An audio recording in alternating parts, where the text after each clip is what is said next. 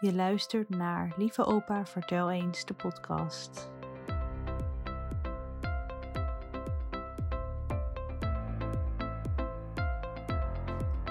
Allereerst wil ik mezelf graag even voorstellen. Ik ben Simone, maar deze podcast gaat niet over mij. In deze podcast staan de verhalen van mijn opa centraal. Ik heb namelijk een hele leuke opa. Hij is inmiddels 94 jaar en zit vol met fantastische verhalen. Deze verhalen vertelde hij altijd al aan ons. Maar nu leek het me leuk dat jij, de luisteraar, daar ook van kunt genieten. Ik ga nu dus geregeld bij hem langs om deze verhalen samen op te nemen. We proberen dit in chronologische volgorde te doen, maar in zijn enthousiasme lukt dat niet altijd. Deze derde aflevering gaat over de jaren na de Tweede Wereldoorlog. Maar omdat mijn opa nog wat verhalen had die hij toch nog graag wilde vertellen over de Tweede Wereldoorlog, zit die hier ook nog in. Dus, lieve opa, vertel eens, hoe waren de jaren na de oorlog voor u?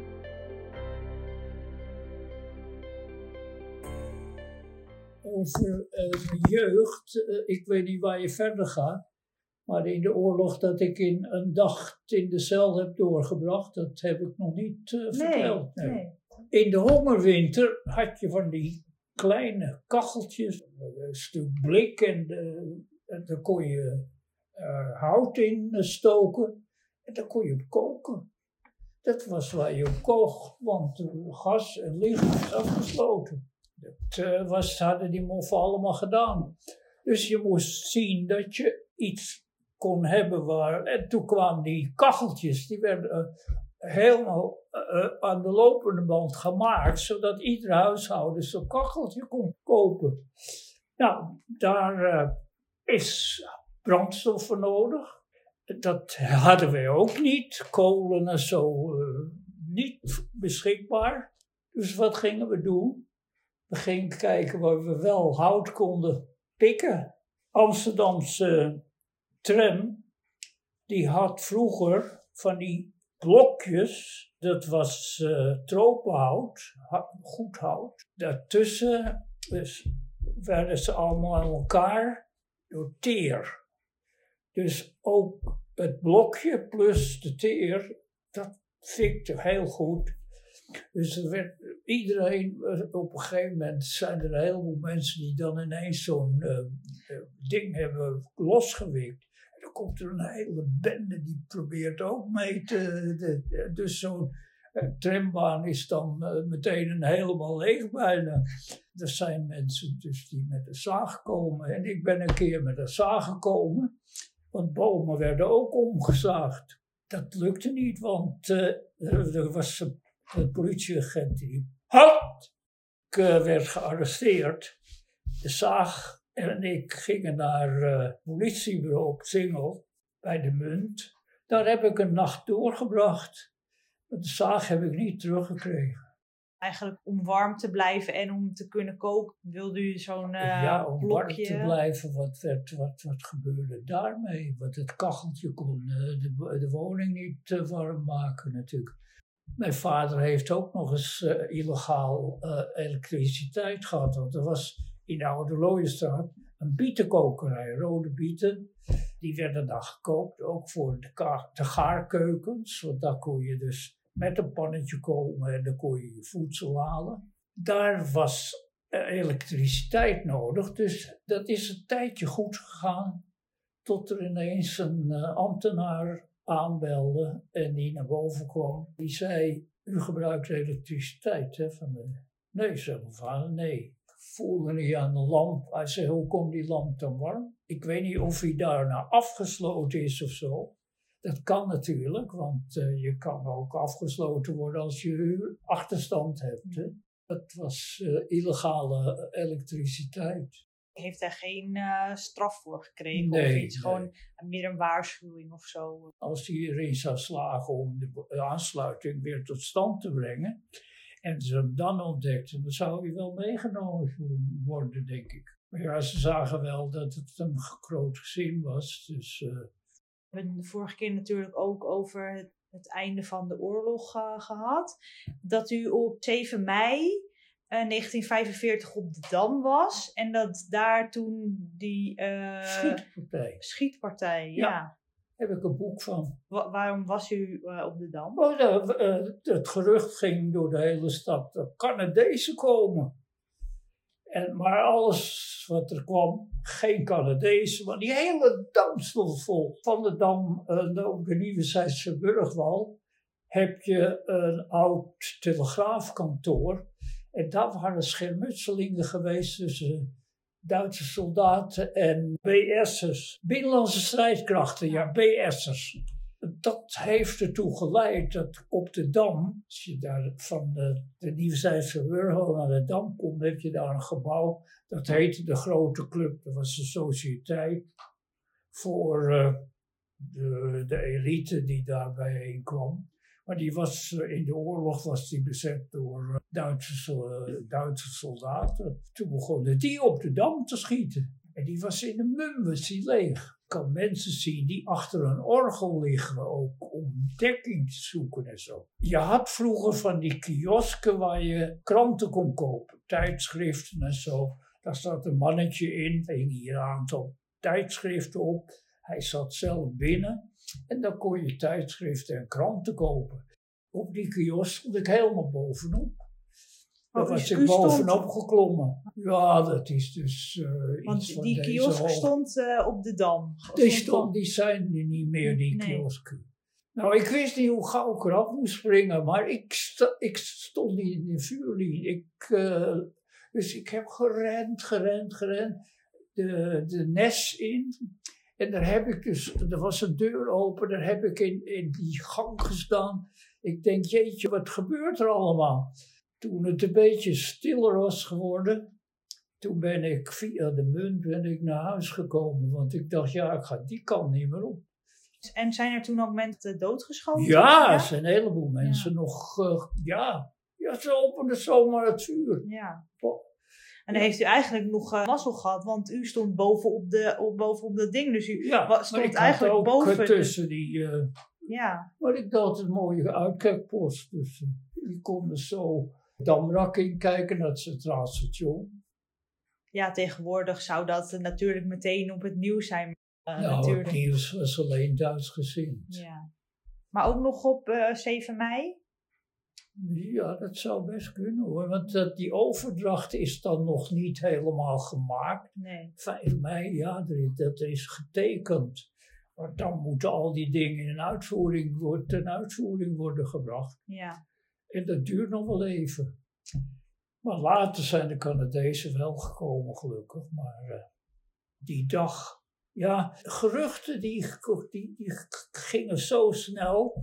Want Dolle Dinsdag is, eh, ik weet niet of je daarvan gehoord hebt, Dolle Dinsdag. ja, wel eens van goed. maar niet- Eh, ik weet niet precies de wat is. opmars van de Amerikanen, die was zo snel dat eh, en een gedeelte van Nederland was al eh, bevrijd. Limburg, behalve de overkant van de Maas, heb ik nu pas geleden ontdekt. Dat was nog niet, eh, want dat grenst naar Duitsland. Dus dat lieten ze even rechts liggen in plaats van links. Eh, dat gerucht ging dat, ze, eh, we, dat we snel bevrijd zouden worden. Nou, toen knepen al die NSB'ers zich. Want die dachten, jeetje, er wordt dan bel- bijltjesdag. Hè? Dus een heleboel die zijn gevlucht naar Duitsland. Ze- Die wisten niet hoe gauw ze dan weg moesten komen. Dus ze zijn verder wel weer teruggekomen, denk ik. Later in een maand. Want eh, de, de- ze liepen al met oranje vlaggen. Eh, toen dus bleek dat er maar een gerucht was. Toen hielden ze zich wel wel in, de mensen. Ja. En toen zijn dus langzamerhand zijn die da- eh, NSB'ers wel teruggekomen. Naar mijn idee is de gedachte is altijd een beetje op 5 mei waren we vrij. Maar eigenlijk is dat niet zo van de een op de andere dag. Nee, want toen begon juist eigenlijk de hongerwinter voor ons. Tenminste, wat in een hongerwinter geëindigd is. Ja. Want in het begin ging het nog even. Maar later ontdekten we dus dat eh, er geen producten meer in de winkels waren die je kon kopen. Dus eh, het, het hadden de Duitsers uit wraak hadden ze dat weggehaald en naar Duitsland gestuurd. Ja. Tenminste, de, verhinderd dat die winkels eh, vol zouden komen. Ja, die werden steeds leger. ja, dus ondanks dat het bevrijd was, was het niet van de een op de Nee, andere dag kijk, weer eh, goed. die actie bij Arnhem, die is mislukt. Ja. Er waren luchtlandingstroepen ge- eh, geland bij Arnhem, dus toen was er een soort feeststemming, want ja, nou, nu gaat het gebeuren. Dus ik denk, ik weet niet, eh, dat, moet, dat zou ik moeten nakijken weer, wanneer het Dolle Dinsdag is geweest. Ja, dat was alle NSB, tenminste die kon, die vluchtte. Ook de regering was bang dat als wij bevrijd zouden zijn, vooral in het, eh, in het hongergebied, dus die hebben ook de bevolking aangeraden om kalm te blijven en geen gewelddaden te gebruiken. Maar ja, er werden natuurlijk wel meisjes helemaal kaal geschoren. Dat, ik vind dat achteraf, ja, ik heb er niet aan meegedaan, maar ik heb het wel gezien. Er werd een rode menie op hun hoofd gedaan en zo. En, eh, Sommigen die hadden verkering met Duitse soldaten. Ja goed, de liefde die je vraagt soms niet of je een tegenstander of een vijand bent. Maar ja goed, als het eh, dellen waren die eh, voor het eh, seksueel genot van de vijand eh, zorgden, dan eh, was het wat anders geweest natuurlijk, maar vond ik schandalig Ja, achteraf hoor, want ik, was, ik had daar nog geen mening over. Ik zag dat gebeuren. Er gebeurden zoveel dingen die je niet bij het dagelijks leven hoorde. en dus eigenlijk na de bevrijding was het eigenlijk een beetje losgeslagen allemaal. Ja, nou behoorlijk. Ja. Ja. ja. En er werd gedanst in de straten en zo. Dat was wel leuk. Dat was wel leuk. Ja, hele danspartijen in de straten. Met muziek. Maar ja, goed, in het zuiden, daar waren al wat eh, meisjes zwanger geworden van Canadezen. Dat is het katholieke zuiden. Daar was het zo barbaars dat als zo'n kind geboren werd, dan mocht de moeder het niet eens zien. Het werd niet in de armen gelegd van de moeder. Het werd weggehaald. kwam in een weeshuis terecht, verzorgd daar. Maar de moeder mocht er nooit meer. Het is zo vreed, vind ik. Ja, omdat dan. ehm, Ja, het, het was een, een grote zonde die die vrouwen begaan hadden. En eh dat moesten ze dan maar weten, weet je wel. ja, omdat ze dan En dus vooral nonnen zijn dan vals. Ja. Die, zijn zo, die kunnen zo vals zijn. Ja, en dat was dan omdat ze dan dus een kind hadden gekregen zonder dat ze getrouwd waren. Ja, ja. Met, eh, Ja, het, eh, dus, dus de norm was seksuele, of tenminste volledig seksueel eh, verkeer in het huwelijk. Heel even anders dan nu is natuurlijk. Ja. Maar ja, dat is ook wel beter, want het is natuurlijk onzin om te. De vrouw moest als maagd eh, natuurlijk in. Misschien heeft het bij mijn moeder wel gehoord, want ik ben de eerste van, de, van de, mijn, mijn moeder die heeft mij gebaard. heeft. ja. En die is vreselijk streng gehouden. En ik neem aan dat ze als, Als ze maagd- natuurlijk in is gegaan. Op haar 31ste of zo. Ja. Dus je kan wel nagaan. Die vader heeft er helemaal geen leuke jeugd bezorgd. Dat vind ik zo erg. Ze mocht niet dansen. Ik weet niet of ze uit, eh, maar dan moet ze gechaperoneerd worden natuurlijk. Ze mocht met, misschien met eh, een van haar zussen mee of zo. Maar, Nou, maar ja, misschien dat ik daardoor eh, betere genen heb gekregen. Ik weet het niet. Er zou een onderzoek naar ingesteld moeten worden.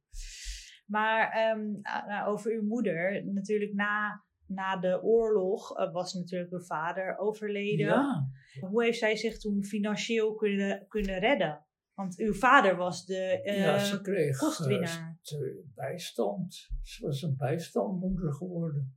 Met een groot gezin. Konden jullie daarvan eh, Nou, redden? Weet je, het voordeel van eh, dat, ze, dat we katholiek waren, was dit, dat de kerk je ook steunt dan. Hè? Want eh, regelmatig kwam mevrouw van Lakwijk eh, langs. die zat in een commissie van de, van de kerk. Die uh, bezocht zo verschillende gezinnen. En als er dan wat nodig was, dan kreeg ze wel wat van de kerk of zo. Of geld toegestort, zodat ze bepaalde dingen kon kopen of zo. Dus daar heeft ze dus wel steun van gehad. Ik bracht geld binnen. Frans en Tom misschien ook nog, mijn twee broers. Kreeg u na de Tweede Wereldoorlog dan uw eerste baantje? Nee, in de oorlog. Oh, in de oorlog. Ik uh, was in uh, 1942 heb ik MULO-examen gedaan. En toen uh, had ik besloten om MULO B nog te doen. Dat kon bij diezelfde MULO, maar dat was echt beta-stof. En ik ben geen beta-student, dus dat liep niet zoals het uh, moest. En toen heeft uh, de hoofdbroeder, die heeft mijn moeder gevraagd om op school te komen. En ze heeft gezegd, u kunt er beter van het jaar afhouden. Midden in het jaar ben ik uit de klas verdwenen. En toen heb ik gesolliciteerd. Twee sollicitaties. Ik kon nog kiezen ook. Ik ben dus op de Lauligraf bij het staalhandel gekomen. En dat was ik jongste bediende. Daar uh, mocht ik de correspondentie opbergen, de post wegbrengen. En daar had ik een frankeermachine tot mijn beschikking om de post te frankeren. Dus dat was mijn werk daar. Maar ik ben al een paar jaar geweest, 42 tot 45. En wat bent u na de oorlog gaan doen? Nou, toen kwam ik bij het Amerikaanse consulaat. Daar heb ik van 45 tot 51 gewerkt. U daar uh, nou, heeft u gesolliciteerd? Ik, ik was bij een voetbalclub. En daar was iemand die had voor de oorlog had die ook op het consulaat gewerkt. En die had kennelijk toezeggingen gekregen dat hij weer in dienst zou komen van het Amerikaanse consulaat. Toen had ik gezegd, nou als daar een baantje voor me is, graag. Het salaris was ook beter dan wat ik had. Ik 35 eh, eh, gulden per maand had ik, begon ik te, het salaris. En ik geloof dat ik eh, bij de consulaat 55 kreeg. Nou, ging u een voorstel vooruit. Ja. Geweldig som, ja, ja. En wat deed u daar dan voor werk? Bij het uh, Aanvankelijk ook jongste bediende. Ja, de post hoefde ik niet weg te brengen, want dat, uh, dat behandelde zij zelf. Later kwam ik op de visumafdeling en toen uh, kreeg ik uh, mensen die een visum aangevraagd waren. En dan vulde ik visumaanvragen in voor die mensen. Dan moesten ze wachten. En dan konden ze bij de viceconsul komen. Die had nog een gesprekje met ze. En dan konden ze later het visum komen ophalen. Dus u bent eigenlijk daar uiteindelijk terechtgekomen via iemand die u van de voetbal ja, ja, uh, ja, kende. Ja. ja. Dus met het salaris wat u verdiende bij het Amerikaanse consulaat, hielp u uw moeder eigenlijk met uh, Ja, ik kreeg van mijn moeder een zakcentje. Ja, dus u leverde al uw salaris in? Ja, ja. Ja, en ik kreeg een paar, uh, misschien vijf of vijf gulden of zo. Uh, ik weet dat u ook nog uh, de HBS in de avonduren ja. deed. En was dat tegelijk met dat u werkte bij het Amerikaanse consulaat? Dat was, ja, dat was het. Maar ik heb uh, meer gedaan. Ik, toen ik van school kwam, toen dacht ik, ja, zag ik het kantoorwerk. En toen dacht ik, hé, hey, dat is misschien een baantje voor mij. Er waren mensen die dan een afdeling beheerden. Die hadden een secretaresse, dicteerden ook brieven aan klanten en zo.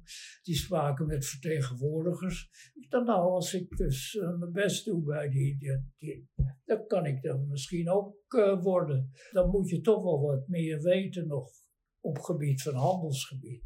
Dus ik ben naar een handelsavondschool geweest. Dat heb ik een paar jaar gedaan. En toen ik op het consulaat kwam, dacht ik, nee, ik ga, ga iets anders doen. Ik ga eerst mijn HBS halen. Dat heb ik in de avonturen gedaan, was geen makkelijke tijd. Want, en eh, wat voor dingen leerde u dan op de HBS? Nou, was een, uh, dat is een uh, kruising tussen HAVO. Dus voor het, het is in elk geval hoger beroep. HBS betekent hogere burgerschool. Met een diploma van uh, een HBS kon je naar de universiteit ook. Oh, het klinkt een beetje zoals wat het HBO nu is.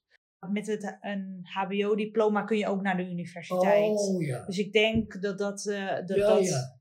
ja, want het was meer dan HAVO, dacht ja, ik. Ja. Ja. ja, want HBO staat ook voor hoger beroepsonderwijs. Oh ja. Ja, Dus, ja. eh, ja, eh, ja. ja, maar dit was niet zozeer nog beroeps, als wel dat je door kon gaan naar. Oh ja, nou weet ik het weer.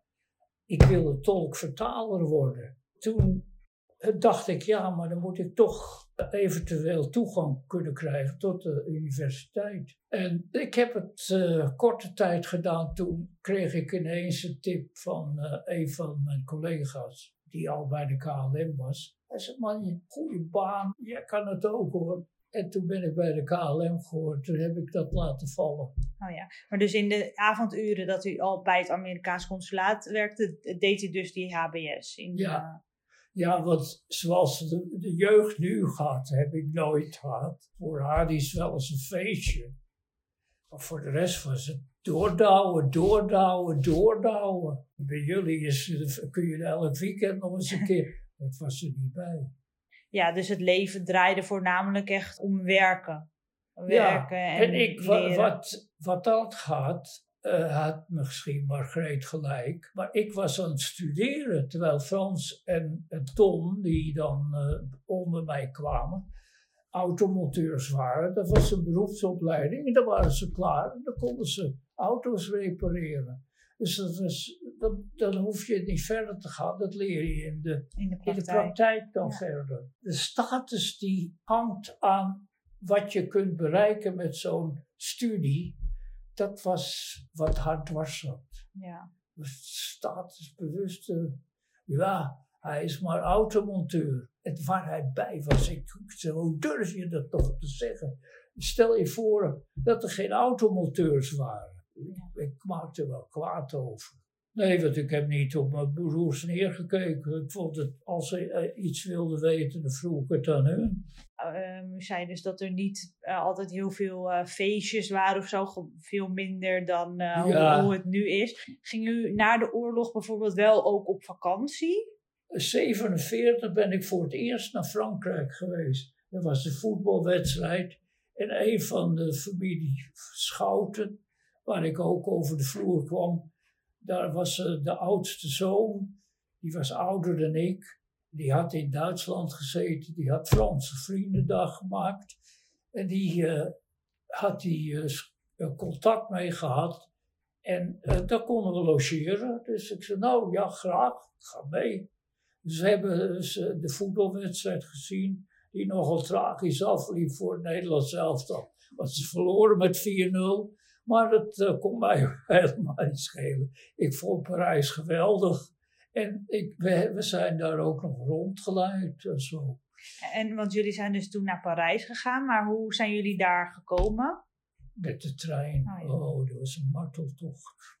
15 uur. 15 uur, jeetje mina. Ja, die stopte bijna aan, elke, aan elk station. In de nacht. En dan kwamen er ook mensen in. in, eh, zo, dus, eh, Oh, dus het was een nachttrein. Ik was, ik was kapot. Ik was kapot. Dus van, eh, van Amsterdam naar Parijs in 15 uur. Ja, Nou, ik ben nog niet eens zo heel lang geleden toen met mama met de trein Ja, eh, naar Parijs ja. ja. ja, ja. Maar en dat was dus dan een nachttrein. Ja, die, ja, die ging s'nachts, ja. Eh, Gare du Nord kwam je dan s'morgens aan. Ja, en dus zijn En jullie daar daar. werden we dan opgehaald door die Fransen. Ik had al geroken in het station. Iets dat ik niet kende. Knoflook en bastos. Dat waren sigaretten, zware sigaretten. Heb ik ook nog wel gerookt toen. Ik dacht, ja, dan moet je, je moet meegaan met... eh, maar eh, dat heb ik maar kort gedaan. Ik heb ook een pijp gehad op een gegeven moment. En daar had je van die tabak die een beetje eh, zoetjes rook of zo. Achteraf denk ik, ja, ja, je wilt een beetje interessant doen dan. ja. ja, ik heb dat, een paar dagen zijn we daar geweest. 1947 ben ik dus Parijs geweest. 1948 ben ik naar Texel geweest met twee vrienden. Waren we bij een boer, dan konden we hooizolder slapen. En ergens anders in die boerderij sliepen drie meisjes. Dus we hadden op een gegeven moment alle drie een meisje uit, uitgezocht. Tenminste, we hadden elkaar uitgezocht. Want ik weet nog wel dat een van mijn vrienden mijn meisje wilde hebben. Ja, die wilde mij wel wel. Dus dat was toen wel een leuke week. Dus een week was dat hoor. Eh, op de fiets. Al op de fiets naar, naar Texel. Met de boot en dan naar Texel. Texel. Maar ja, goed, aan het eind van de vakantie, die vakantieliefde, ik wist dat ze een, uh, verloofd was met een jongen die in Indië zat, dus ik vond het niet eerlijk. Uh, ja, goed, we hadden, helemaal niet zoveel bijzonders gedaan hoor. Maar we waren toch een beetje verliefd op elkaar. Je weet, zo kal verliefd in, in, tijdens de vakantie.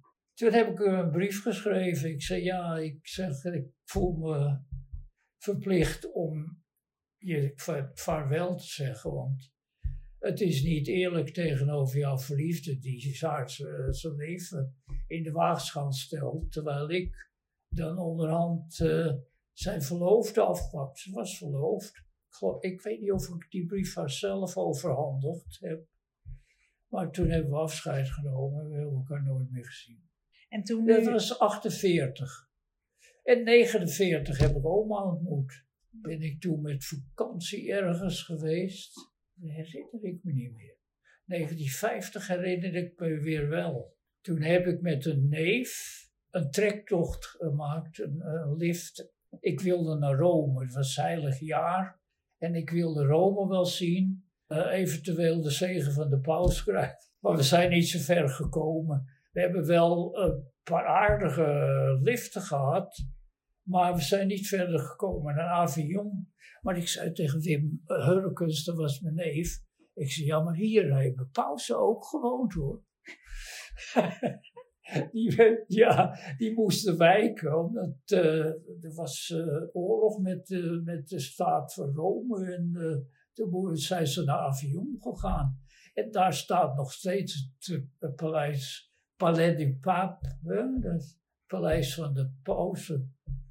En sprak u toen ook al Frans? Ja, ja, tenminste, ik, weet je wat ik ook deed? Ik had een penfriend in het Engels, Frans, Duits, dat weet ik niet meer. Maar dat heb ik geprobeerd in, uh, in Parijs toen in 47. Want ik kwam een groep Luxemburgse padvinders tegen. Toen heb ik dus gezegd van, zit er iemand tussen die met mij in het Duits wil corresponderen. Maar het is verder niets gewoon. Maar ik had dus een, dat was een meisje in Amerika. En dat was een priesterstudent in Frankrijk. Oh, en daar wisselde u brieven mee? Ja, ah. ja. Dat kan je je laten zien nog.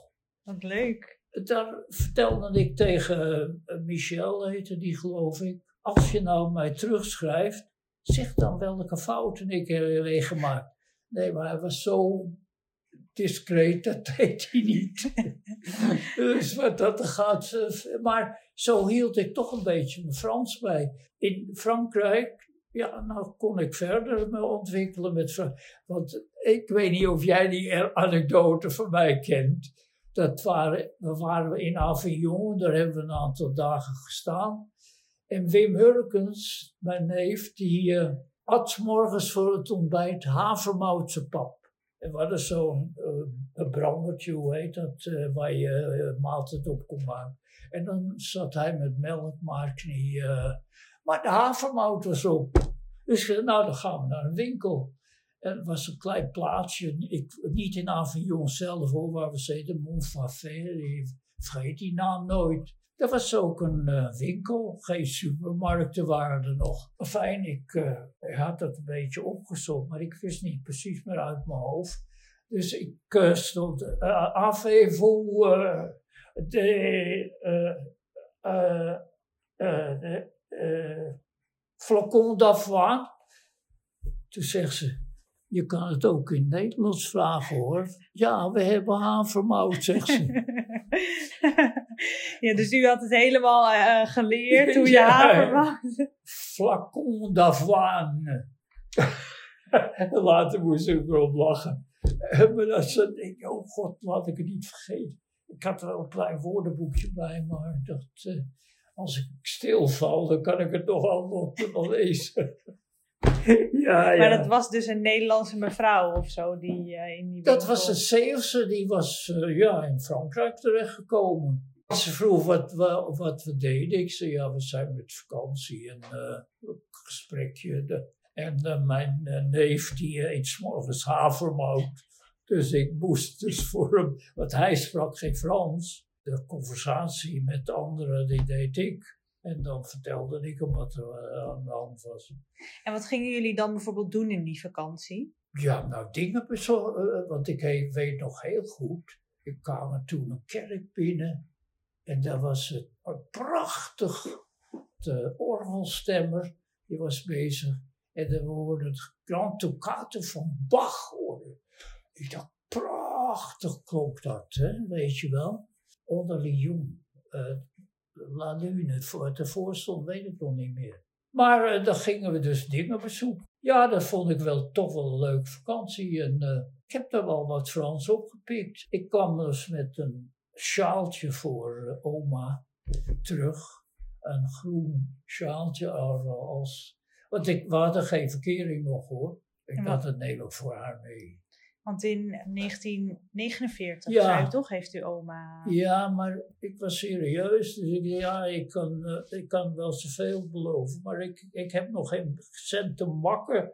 Dus ik wacht nog wel even. Eh, als er feestjes waren, dan, trokken wij met elkaar op. Eh douwtrappen. Dan, en ik moest er vaak duwen. Hè, want dan kon ze tempo niet bij hè, met de fiets. En dan eh, ze duwde ik er wel. Eh, ze zocht mij ook op hoor. Ze was vaak onzeker. En dan schreef ze mij een brief. Ik heb wel van die briefjes nog. Ja, dus jullie, eh, ondanks dat jullie toen nog niet, eh, geen verkering hadden of iets, trokken jullie wel al meteen heel erg... eh, naar feestjes, elkaar daar toe. dansten, wij met, daar dansten wij veel met elkaar. Ze kon niet zo goed maat houden. Nee, nee. Ja, dat vond ik jammer. en toen woonde u nog wel eh, bij uw moeder ook? wonen? 1950, ja, toen was ik, ja, eh, toen woonde ik nog thuis, ja. En de rest van de kinderen woonden ook gewoon nog thuis? Ja, ik was de oudste. Ja. Mijn halfbroer en halfzus, die waren al thuis uit natuurlijk. Want Jan is in 42 getrouwd, die woonde in Heemstede. En Annie is in 45 getrouwd, die woonde ook in Heemstede. Ja, ik mocht een keer dan, toen was Jan nog niet zo lang getrouwd, mocht ik daar komen logeren. Die vrouw, die had, het was eigenlijk een blauwkous, die was overgebleven. Dat had Annie geregeld, want Jan die durfde geen vrouw aan te kijken. Zo, ik weet nog wel, het, het, het was allemaal al geregeld door Annie. Dat Ali, dat was dan de aanstaande vrouw van, van eh, Jan. Dat die ja al ja gezegd, dat wilde ze wel, met die knul wilde ze wel eh, trouwen. Dus haast een Hij gearrangeerd liep huwelijk. zenuwachtig te ijsperen, dat heb ik wel later gerealiseerd. Dat hij zenuwachtig was, hij moest de hand vragen van ze, want zo ging het wel vroeger. Hè? Want je, heb ik je nog verteld hoe ik eh, de hand van eh, oma heb moeten vragen? Nee, dat... Oh. Ja, dat was een hele plechtige, een formele gebeurtenis. Maar Ali, ja, ze, ze deed wel. eh, nou, ze hadden die van de Hogens. Want eh, dat was de familie van de Hogen. Hè? Die zus was getrouwd met een van de Hogen. En Jan was dus nu ook getrouwd met een van de Hogen. Ja, die hadden het, eh, keken een beetje op de familie Jansen neer. Ze had zo'n verbeelding, ze was modist, hè? want een hoedjes maken. En dan voor hele, dat modehuis in de Kalverstraat, Bonneterie. Ze voelde zich wel verenigd, ja. Het was een slottervoet, het was geweldig. Want ze, ze, ze zouden helpen met uh, uh, afwas en zo. Op een gegeven moment was mijn vader zo erg. Hij zei, ga jij maar weg, dan, komt het, uh, ik, ik, ik, regel het komt wel in orde zo. En hij zag hoe ze bezig was met de afwas en uh, ja, dan kon hij vrij direct zijn. Ik denk dat hij ook niet zo met haar, uh, maar ja goed. Jan is ermee getrouwd geweest. Ze hebben allebei een zaak van een gal en gal gekregen later. Hè? Of tenminste het voorloper, maar dat is later gal en gal geworden. Maar een hele kleine woning erachter. En bij Annie ook. Maar die was, een woning was nog wat geriefeler dan de woning die op de Amstelveense weg was en zo. Ali maakte veel gebruik van de diensten van mijn zussen. Voor oppassen, hè. Ik ben wel eens bij, uh, zo geweest, uh, op bezoek natuurlijk. En dan stond er maar een afwasman tot van hier tot ginder. Denk ik, hoe kan je dat nou volhouden zomaar? Wel een beetje kak hebben, weet je wel. Ja, we hebben nooit meer contact gehad, eigenlijk na de dood van, uh, ja, heel kort, heel kort. Want Maarten zegt altijd, dat was uh, zijn peetante, ja, ik heb geen peetante meer. Ik zeg, ja, dat, dat, kan ik niks aan doen. Peetoom en peetante, die kwamen dan nog wel eens speciaal voor het petekind en zo. Dus die had dan wel een, uh, een cadeautje of zo of, uh, bij zich. Die heeft zich volkomen uh, teruggetrokken. ik was de peetoom van haar dochter, in 1950 geboren. Die heb ik nooit meer gezien. Nooit meer. Ja, wat met die, uh, de kinderen van Annie, Hetty. Wat ze heette aanvankelijk Henny, maar en toen heeft ze er Hetty van gemaakt. Moeten we regelmatig bij familiebijeenkomsten. Uh, Ook een hele mooie vrouw en onderneemster geweest. Nooit getrouwd. Zo'n mooie vrouw en dan nooit getrouwd. Ik snap het niet. Maar ja, goed. Uh, ieder, ieder heeft zo zijn opvatting natuurlijk over. Ik weet niet waarom niet. Ze, had het wel druk natuurlijk. Ze zat in de parfumwereld. Ja, dat was een, tante die kon wel een onderneming leiden. Ja, maar dat was die van de hoge zware ondernemers eigenlijk. Er waren meerdere die een, echt wel een zaak konden leiden natuurlijk. Van de, van de hoge. Ja. Uit de hoogte, van de hoogte, uit de hoogte, ja. ja. Oh, dat maar, komt allemaal daarop. Op, uh, het wordt opgenomen, oh, ja. ja. ik weet niet of het telefoonverkeer uh, van boven komt. Want anders lopen ze daar op mij te schelden natuurlijk. nou, dat denk ik niet. Dit was de derde aflevering van Lieve Opa Vertel eens, de podcast. Bedankt voor het luisteren. Voor meer informatie en foto's die bij de aflevering horen, kun je ons vinden op Instagram onder Lieve Opa Vertel eens.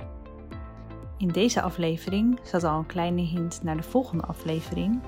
Dan gaan we het namelijk hebben over de grote liefde van mijn opa, mijn oma. Hopelijk luister je weer. Tot dan!